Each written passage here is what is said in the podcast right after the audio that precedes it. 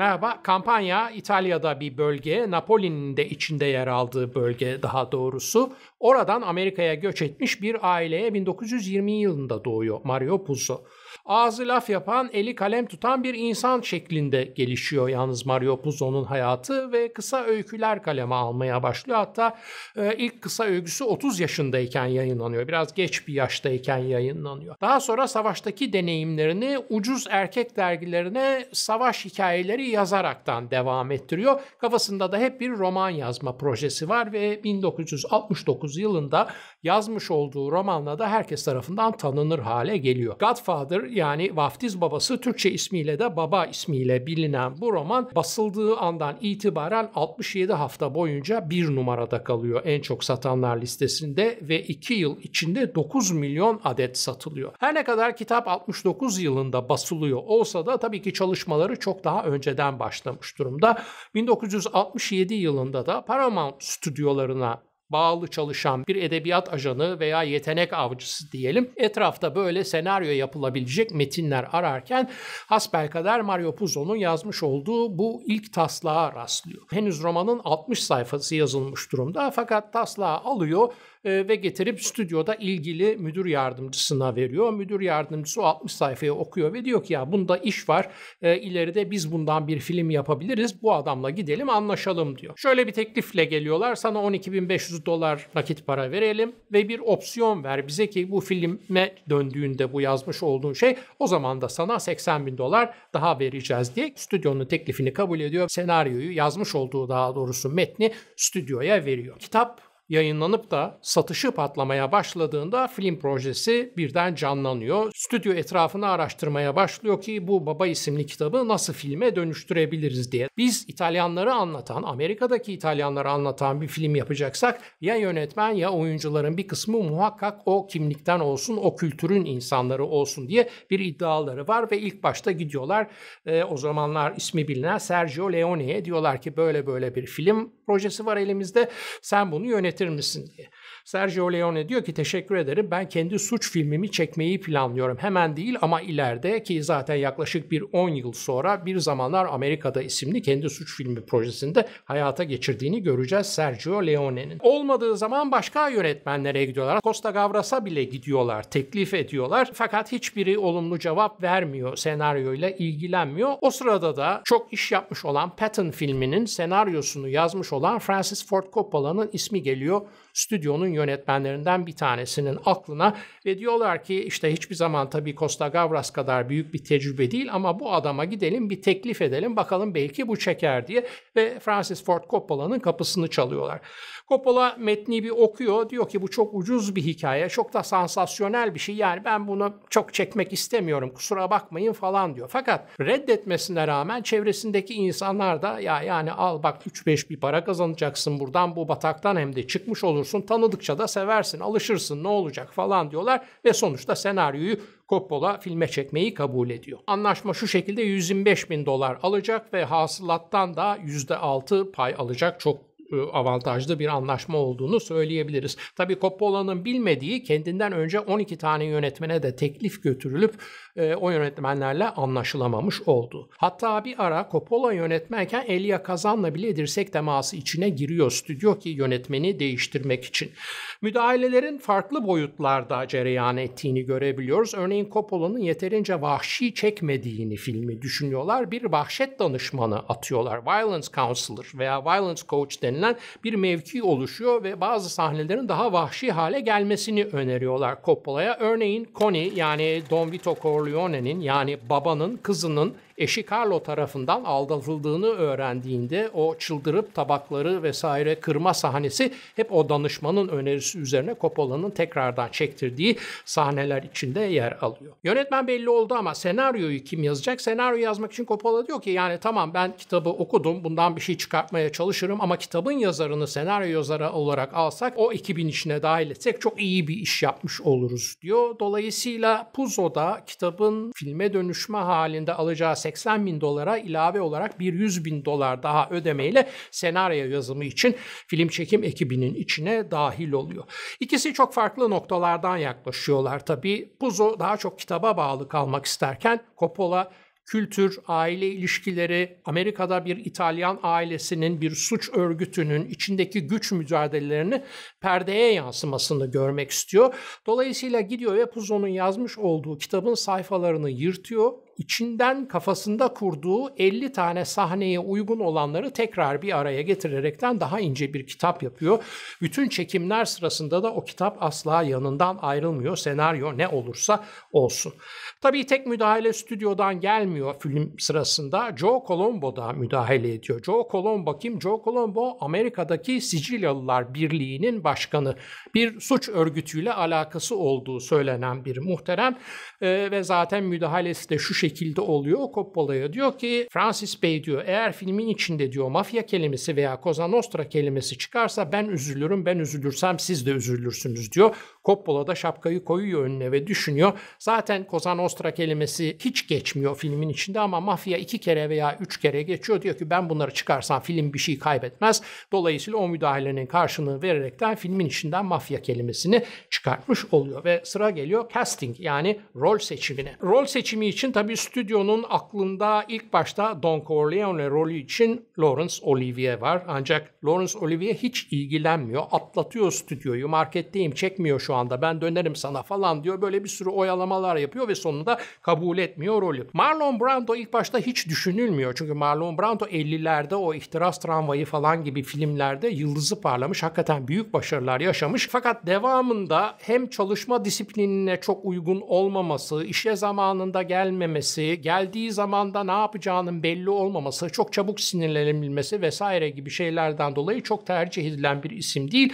Fakat çaresiz kalınınca ona da bir teklif getiriyor. O da kabul ediyor. Tabii kabul etmesi onun için iyi bir şey oluyor. Çünkü sonrasında geriye doğru dönüp baktığımızda yaklaşık 1 milyon 600 bin dolar o zamanın parasıyla bir para kazanmış olduğunu bu filmden Marlon Brando'nun görüyoruz. Michael Corleone yani e, Don Vito Corleone'nin oğlu. O dönüşümün hikayesini üzerinde görebildiğimiz karakter. Bu rol için kimi seçeceğiz diye düşündüklerinde gene karşılarına bir sürü seçenek çıkıyor. Warren Beatty'yi düşünüyorlar ilk başta. Robert Redford hatta düşünülüyor. Bir de o dönem çok meşhur olan Aşk Hikayesi filminde yıldızı parlayan Ryan O'Neal. Acaba diyorlar bunu alabilir miyiz diyorlar. Fakat Coppola bunların hepsini reddediyor. O zamana kadar pek ismi bilinmeyen metodik bir aktörlük eğitimi almış olan ve sadece bir filmde başrol oynamış olan Al Pacino'yu istiyorum ben diyor. Diyorlar yani Al Pacino bu adamı kimse tanımıyor. Bir ikincisi yani çok kısa boylu bu adam nasıl bir suç örgütünün örgütünün lideri olacak diğer oyuncularla beraber hiç mühim değil diyor. Diğer rol seçimlerini de zaten biz yapacağız. Ona uydurarak seçeceğiz diğer rolleri diyor. Coppola ailesini de dolduruyor bu arada filmin içine. Ee, kız kardeşi Don Vito Corleone'nin kızı Connie'nin rolünde oynuyor. Kızı Sofia ki ileride onu da bir yönetmen ve senarist olarak göreceğiz. Connie'nin kızı rolünde oynuyor. Babası filmde piyano çalıyor. Eşi, annesi ve iki oğlu da filmde ufak ufak roller alıyorlar. Hani sanki bazı eğitim kurumlarında rektör işte yakınlarını doldurdu falan gibi haberler görüyoruz son 5-6 yıldır. Aşağı yukarı onun bir benzerinin Hollywood'da gerçekleşeni gibi bir durumla karşılaşıyoruz diyebiliriz. İlginç hikayelerden bir tanesi bu rol dağılımı sırasında aslında filmin bağlamıyla çekim sürecinin de nasıl birbirine paralel ilerlediğini gösteriyor. Filmde Johnny Fontaine diye bir karakter var biliyorsunuz ki bu karakterin aslında Frank Sinatra'nın hayatını temsil ettiği söyleniyor. Suç örgütleriyle ilişkisi anlamında. Ee, Johnny Fontaine karakteri Don Vito Corleone'nin de vaftiz oğlu aynı zamanda. Bu karakter için Al Martino isimli bir gece kulübü şarkıcısını düşünüyor stüdyo. Fakat Coppola onu istemiyor. Vic Damone diye bir başka şarkıcı var diyor. Ben onu oynatmak istiyorum diyor. Al Martino çok bozuluyor bu işe. O rolü almayı çok istiyor çünkü ve gidip Bufalino ailesinin babası olan veya Bufalino ailesinin lideri olan Russell Bufalino'ya derdini anlatıyor. Russell Bufalino da ne yapıyor ediyor orasını bilmiyoruz. Vic Damone'yi ikna ediyor. Vic Damone ben bu rolden çekiliyorum diyor ve o rolü tekrar Al Martino'ya verilmiş olduğunu görüyoruz. Tabii bu kadar filmin senaryosuydu, yazarıydı, yönetmeniydi vesaire anlattık. Filmin müziklerinden bahsetmezsek çok şeyi eksik bırakmış oluruz. Giovanni Rotarinaldi dahi çocuklardan bir tanesi müzik dünyası için pek çok filme müzik yazmış bir isim. Hem de müzik yazdığı filmlerin yönetmenleri arasında Fellini veya Visconti gibi çok ünlü isimler de var. Çok küçük yaşta müzikle ilgileniyor. 13 tane filmin müziğini yazmış. Sayısız opera, sayısız bale ve bu temsillerin dışında münferit olarak da büyük orkestra veya küçük orkestralar için sayısız beste üretmiş bir insan. Onun filmin müziklerini yaparken görmek istiyor Coppola ve kolunun altına filmin ham kopyasını alarak atlıyor uçağa gidiyor Roma'ya. Tabii 70'li yıllardan bahsediyoruz. Yani işte USB belleğe atayım da kuryeyle göndereyim veya işte V-Transfer'di, SendGB'di falan gibi şeyler yok. Mecburen koltuğunun altına filmi sıkıştırıp gitmek durumunda.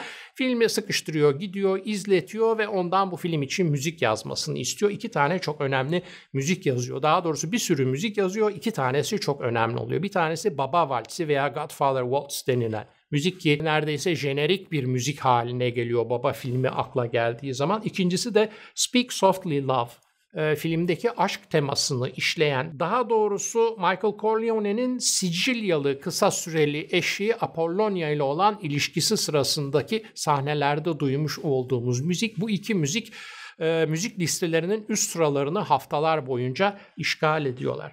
Film bittiğinde tabii tabir yerindeyse gişeleri patlatıyor. İnanılmaz bir başarı. 280 milyon dolar hasılat yapıyor. Bugüne getirdiğimizde çünkü Amerika'da da enflasyon var yaklaşık 1 milyar 780 milyon dolar gibi bir hasılattan bahsediyoruz.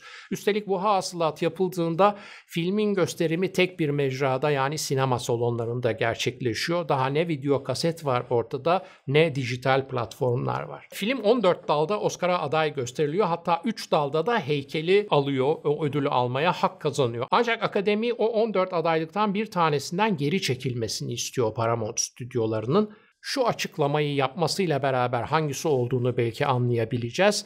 Akademi diyor ki eğer bize filmi müzikleriyle beraber Oscar adaylığı için getiriyorsanız o müzikleri ilk defa o filmin içinde duymamız lazım. Peki müzikleri gerçekten ilk defa Baba filminde mi duyuyoruz?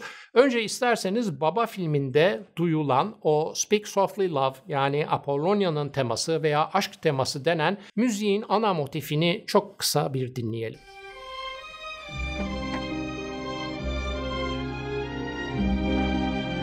Şimdi gene Rota Rinaldi'nin aşağı yukarı 12 sene önce yani 1958 yılında Fellini'nin senaryosunu yazmış olduğu Fortunella filmi için yazmış olduğu müziği bir de onu dinleyelim.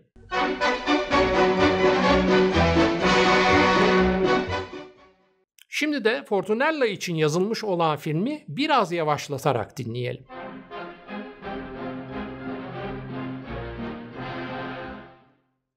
İşte Akademinin geri çekilme sebebi de bu. Yani bize daha önce başka bir film için yazmış olduğu müziği yavaşlatarak yeni bir müzikmiş gibi getirme Rinaldi Bey. Siz çok meşhursunuz, sizi çok seviyoruz ama burada yemezler bunu diyor. Film neden bahsediyor biliyoruz. Bir suç örgütünden bahsediyor, bir mafya ailesinden bahsediyor.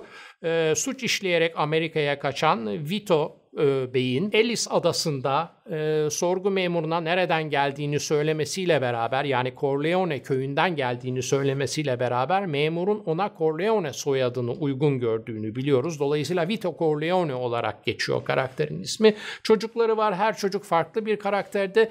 En önemlisi de en küçük çocuğu bir savaş gazisi. Savaştan yeni dönmüş tertemiz bir insan. Onu ailenin bu kirli işlerine bulaştırmak istemiyor. Bilakis uzak tutmak istiyorlar. Fakat kaderin garip bir tecellisi olarak bütün film boyunca aslında biz o Michael Corleone'nin saf ve temiz savaş kahramanı çocuğun nasıl bir suç makinesine dönüştüğünü izliyoruz. Böyle bir hikayesi var. Filmin aslında Amerikan mafyasını anlatan bir hikaye. Mafya dediğimiz zaman mafya kelimesinin nereden geldiğine dair herkesin üzerinde mutabık kaldığı bir açıklama maalesef yok.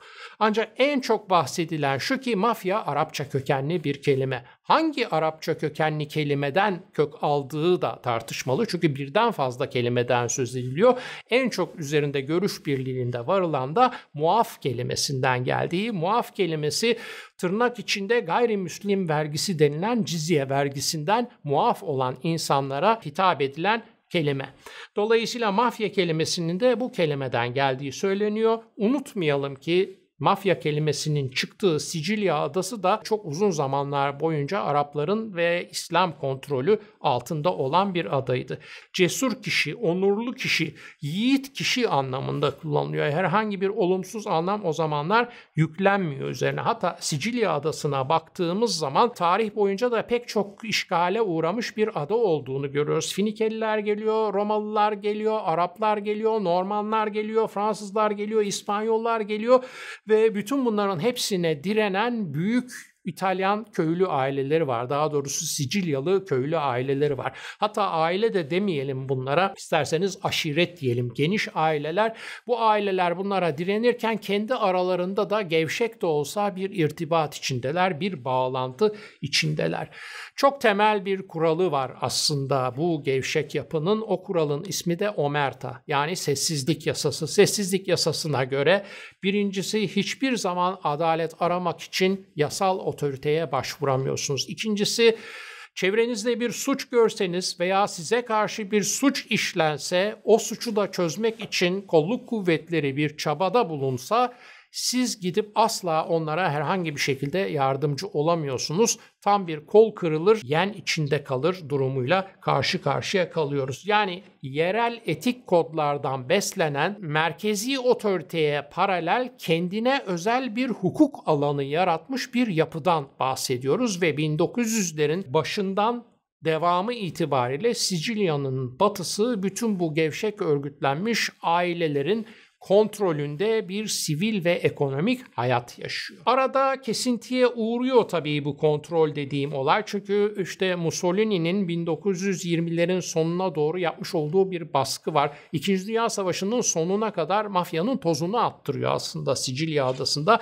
Bu biraz da kişisel bir durum. Çünkü e, Mussolini 1924'te Sicilya'yı ziyarete gidiyor başbakanken. İki yıl önce de on binlerce kişiyi faşist parti için yürütmüş. Dolayısıyla gücünden son derece emin bir insan ve Piana del Greci o zamanki ismiyle kasabasına gidiyor. Belediye başkanı var. Kutça isimli bir aile lideri diyeyim. O da bir yerel silahlı örgütün başı ve e, tabii onunla görüşmeye gittiğinde arkasından gelen polisler de var ve Kutça çok şaşırıyor. Yani Benito sen hayırdır yanında polisler sen Sicilya'dasın biz seni koruruz diyor. Mussolini'nin çok ağırına gidiyor bu. Ben on binlerce insanı yürüttüm. Bu devleti bu ülkenin bütün kılcal damarlarına dahi nüfuz ettirebilmek için dolayısıyla benim kimsenin korumasına ihtiyacım yok. Benim devletimin polisi beni korur diyor. Fakat karşı tarafta da Kutça var. Sicilyalı o da çok bozuluyor.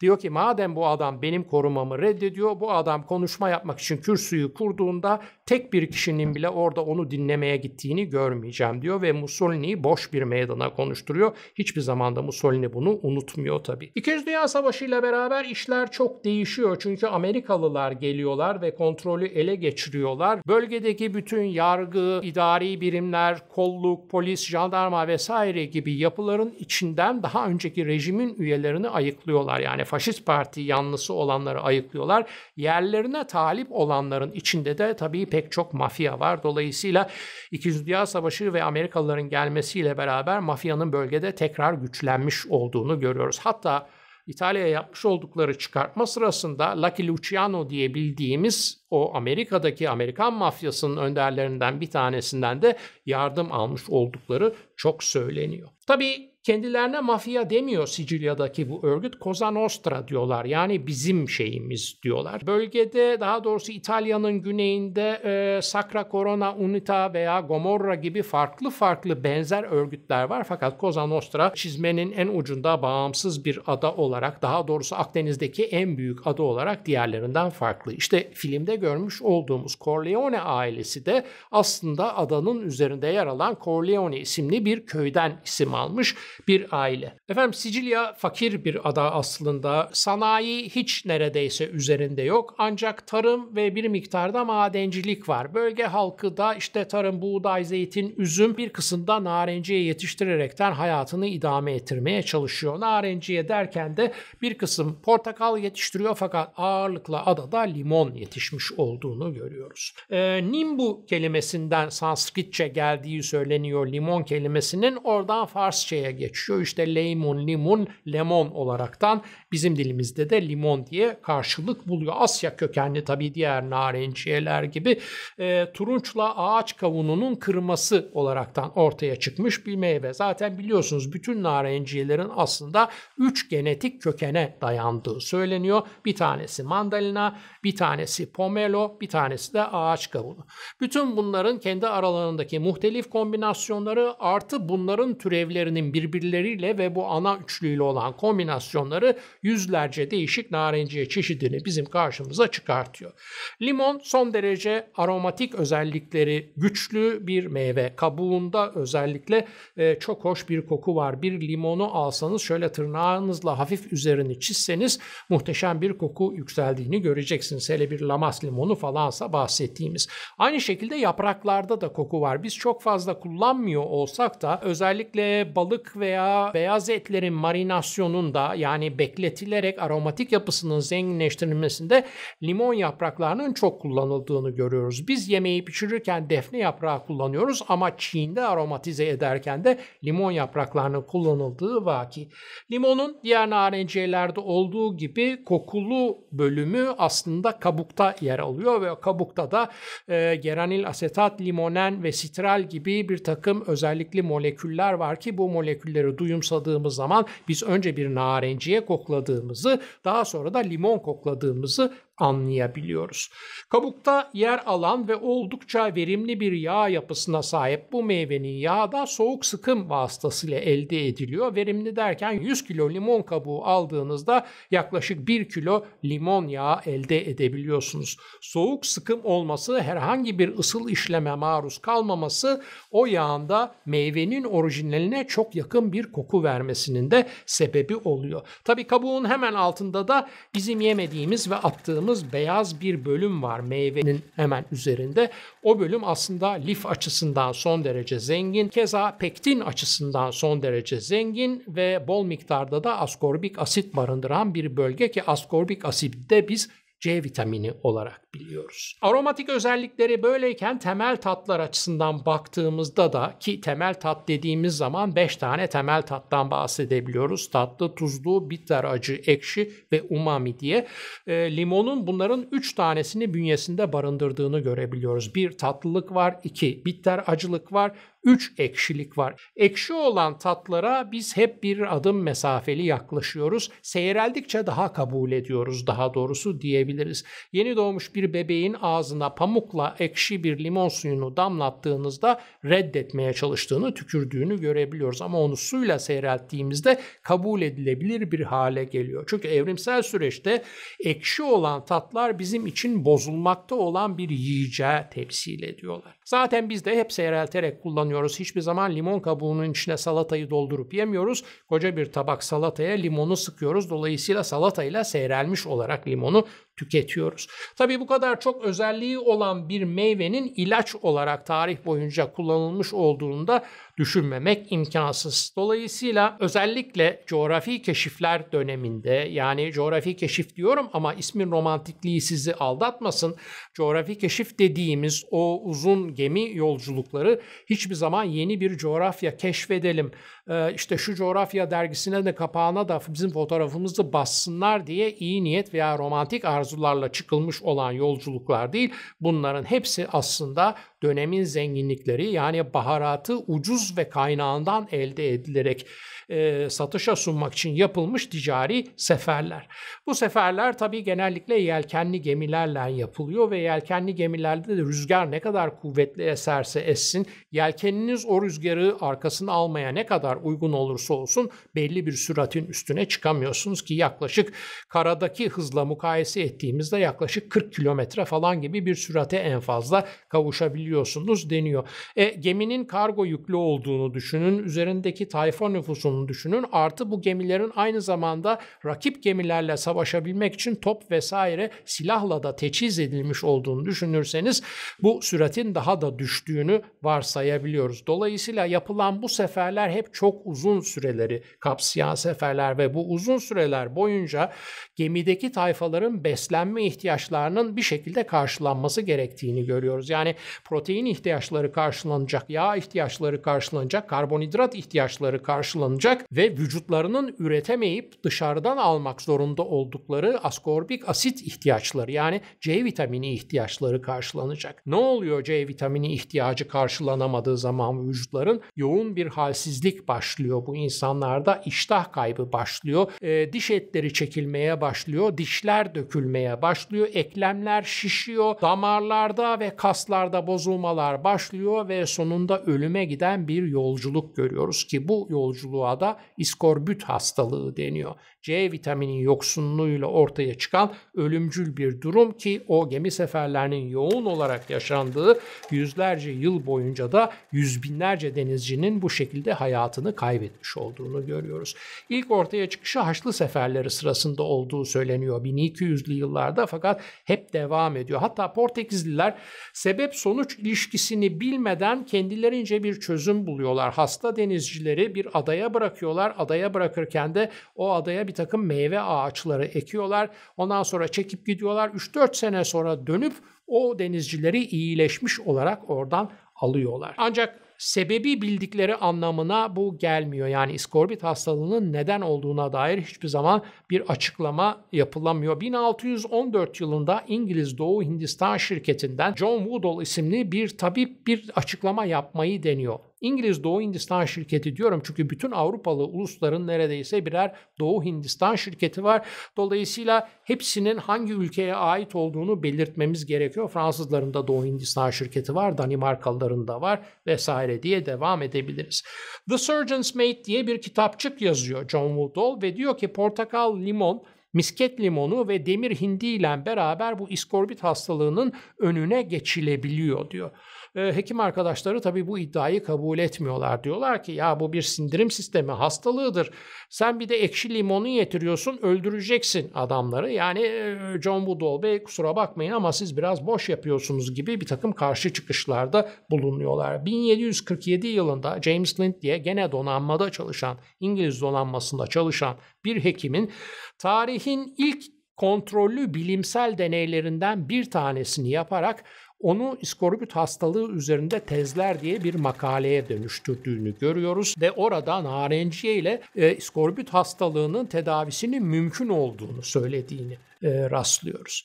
E, fakat gene yaygınlaşmıyor ta ki 40 yıl sonrasına kadar. 40 yıl sonra da bir hekim değil bu sefer bir amiral, Amiral Gardner diyor ki bundan sonra benim komutamla sefere çıkan gemilerde muhakkak başta limon olmak üzere bir takım narenciye mevcut olacak diyor ve ilk deneme HMS Suffolk gemisiyle yapılıyor. Gemiye e, limon ve misket limonu ekleniyor, sefere çıkıyor, geriye dönüyor. Tayfalar her gün yarım limon tüketiyorlar. Tek bir iskorbit hastalığına rastlanmıyor. Ancak ondan sonra bütün deniz yolculuklarında C vitamini içeren bu tip meyveler zorunlu hale gelebiliyor. Zorunlu hale gelmesiyle beraber de ne oluyor? Zorunlu hale gelmesiyle beraber de dünyadaki tabi limon talebi patlıyor. Ancak arada geçen ve bu C vitamini ile iskorbüt hastalığı arasındaki ilişkinin kurulamadığı dönemde tahmin edilen o ki yaklaşık 2 milyon kişi de hayatını kaybediyor. Zorunlu kumanya haline geldiğinde talep patladı demiştik. Talep patlıyor ve iklimi o meyveleri yetiştirmeye uygun olan yerlerde de bir sürü limon bahçesi, portakal bahçesi olduğunu görüyoruz. İşte Don Vito Corleone'nin doğmuş olduğu Corleone köyünün yer aldığı Sicilya adası da iklimi bunları yetiştirmeye uygun bölgelerden bir tanesi. Dolayısıyla adada birden limon bahçelerinin sayısının arttığına şahit oluyoruz. Bu bahçelerin sayısının artması bir problemi de beraberinde getiriyor. Çünkü adada tarımı geniş olarak yapılan işte buğday var, zeytin var, üzüm var fakat bunları çalmak kolay değil. Daha doğrusu mantıklı değil. Yani kaç tane buğdayı ne kadar sürede toplayabilirsiniz ve ceplerinize doldursanız o cebinize doldurduğunuzun karşılığında size ne kadar yardımcı olabilir, ne kadar para getirebilir ki? Veya aynı şeyi üzüm için düşünelim. Ne kadar doldurabilirsiniz? Ezmeden ne kadar taşıyabilirsiniz? Tek tek zeytinleri ceplerinize doldurmanız kaç saatinizi alır? Ama limon öyle mi? Limon öyle değil. Limonu 15 dakika içinde pantolon cepleriniz, ceket cepleriniz her şeyin içine doldurabiliyorsunuz ve o doldurduğunuz kadarını dahi götürüp bir yerde satsanız sizi 3 gün, 5 gün hatta bir hafta idare edebilecek bir para kazanabiliyorsunuz. Dolayısıyla bir limon bahçeleri hırsızlığı furyasının ortaya çıkmış olduğunu görüyoruz. Sicilya baştan beri söylüyoruz merkezi otoritenin oldukça elinin ağır olduğu, pek ulaşamadığı bölgelerden bir tanesi. Bu bölgelerdeki tarla sahipleri de hatta tarla sahipleri de demeyelim çünkü tarla sahipleri aslında kent yaşamından son derece hoşnut oldukları için bir nevi vekil kahyalara bırakmış durumdalar arazilerini ve kendileri yakın kentlere gidip orada gelen parayla geçiniyorlar. Onların yerine kalan oradaki vekil kahyalar diyebileceğimiz gabelottiler var. Bu gabelottiler müferit muhafızlar diye tabir edebiliriz edebileceğimiz Kamperolar ve Bourbon hanedanı zamanında ortaya çıkmış olan milis güçleri yani Compagnia di Armi bu üç kuvvetin birleşmesiyle beraber bu hırsızlık olayının Sicilya'nın kendi içinde çözülmeye çalışıldığını görüyoruz. Bu üç öğe arasındaki işbirliği zaman içinde kendi karşıtına dönüşecek bir organize yapının çıkmasına sebep oluyor. Bu organize yapı da her aileye dokunuyor. Bir hiyerarşisi var kendi içinde. Her aileden bir üye illaki bu yapının içinde yer alıyor. Devlete paralel fakat feodal ilişkilerden ve feodal etik değerlerden beslenen bir yönetsel yapıdan bahsetmiş oluyoruz. Özellikle adalet söz konusu olduğunda devletten çok daha hızlı karar üretebiliyorlar ve çabuk acımasız infazlar gerçekleştirebiliyorlar. Dolayısıyla bir paralel devlet yapısının bugün mafya ismi verilen bir paralel suç örgütü yapısının bir organizasyonun ortaya çıkmış olduğunu görüyoruz. Tabi zaman içinde bu iş sadece tarlaları korumakla kalmıyor bir takım güven boşluklarını da mafya üyelerinin doldurduğunu görüyoruz. Nasıl güven boşlukları? Şöyle ki tarla sahibi veya tarla sahibinin vekili olan Gabalotti işte sezonun sonunda gidip topladığı limonları bir yere satıyor ve orada bir kontrat yapıyor. Diyor ki ben sana işte bir süre boyunca bu limonları teslim etmeyi garanti ediyorum sürekli olarak. Karşı tarafta diyor ki tamam ben de şu süre boyunca şu fiyattan senden şu limonları almayı taahhüt ediyorum yapıyorum diyor. İki taraftan bir tanesi sözünü yerine getirmediği zaman da bir boşluk çıkıyor ortaya. İşte mafya dediğimiz güç bu boşluğu da doldurmaya başlıyor.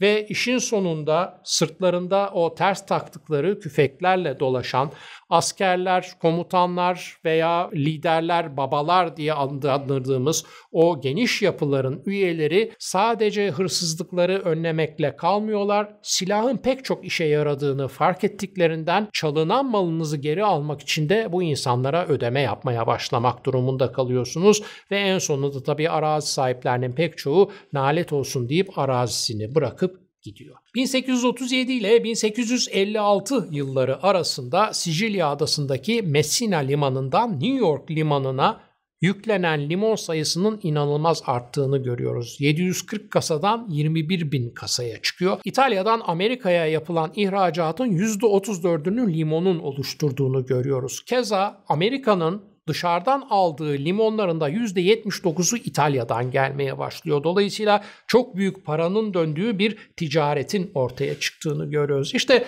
Cambridge Üniversitesi'nin Journal of Economic History yani Ekonomik İktisat Tarihi dergisini 3 tane araştırmacı bu konunun üzerine eğilerekten bir makale yazıyorlar. Arcangelo Dimico, Alessia Isopi ve Ola Olson isimlerini taşıyan bu üç araştırmacı gidiyorlar Sicilya adasında nerelerde yoğun olarak limon tarımı yapılıyor önce onu çıkartıyorlar. Daha sonra polis raporlarına ve gazete haberlerine bakarak mafya faaliyetlerinin en çok nerede gerçekleştiğini saptıyorlar. Ondan sonra bu iki fotoğrafı üst üste koyarak anlatmış olduğumuz denklemi somut verilerle destekler hale geliyorlar. Yani limon eşittir mafya gibi bir denklemle karşı karşıya kalıyoruz.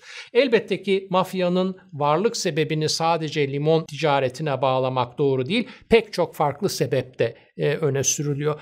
Adada madencilik de var demiştim. Sülfür madenleri, o madenlerin sahiplerinin madenlerini koruma istekleri var. İkincisi toprak anlaşmazlıklarından doğan bir güç boşluğu var. Çünkü İtalyan Birliği'nden sonra özellikle oradaki toprakların yaklaşık beşte biri e, insanlara dağıtılıyor. Özellikle kilise arazilerinin büyük bir bölümü insanlara dağıtılıyor ve 50 yıl içinde 2000 toprak sahibi varken 20 bin toprak sahibi ortaya çıkıyor. Bu da bir sürü arazi ihtilafının oluşması demek, bir sürü problemin çıkması demek. Bu problemi de çözebilecek, hızlı çözebilecek ve acımasız çözebilecek bir otorite ihtiyacının ortaya çıkması demek. Mafyanın varlık sebeplerinden bir tanesi de bu olarak söyleniyor. Bir üçüncü ve önemli sebep daha sınıfsal bir sebep. Fasci Siciliani denilen Fasci birlikler demek bu arada. Fasci Siciliani del Lavoratori yani Sicilyalı işçiler birlikleri adı verilen bir örgütün ortaya çıktığını görüyoruz. Sicilya adasındaki yoksul köylüler ve yoksul ırgatlar arasında yaygınlaşan, geçinebilecek kadar ücret talebi, insancıl çalışma ve yaşama koşulları, hiç değilse bir kısım arazinin sahibi olma isteği veya yarıcılık yani e, işte bir kısmını işleyip bir kısmını mal sahibine verebilmek gibi talepler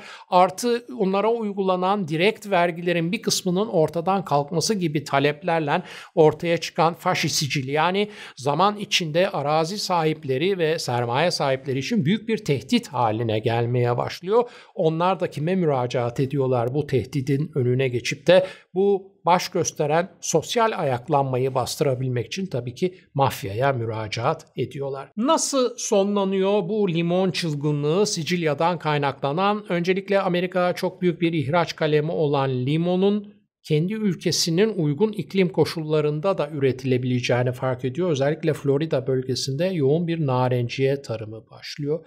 Limonun ötesinde portakalın da çok yaygın olarak ekildiğini görüyoruz. Sicilya'ya tabii büyük bir darbe vuruyor bu ihraç pazarındaki tıkanma beraberinde bir göç dalgası başlıyor. Yani daha önce mal sattıkları Amerika'ya bu sefer işsiz kalan Sicilyalıların göçmeye başladıklarını görüyoruz. Özellikle New York ve Chicago gibi bölgelere.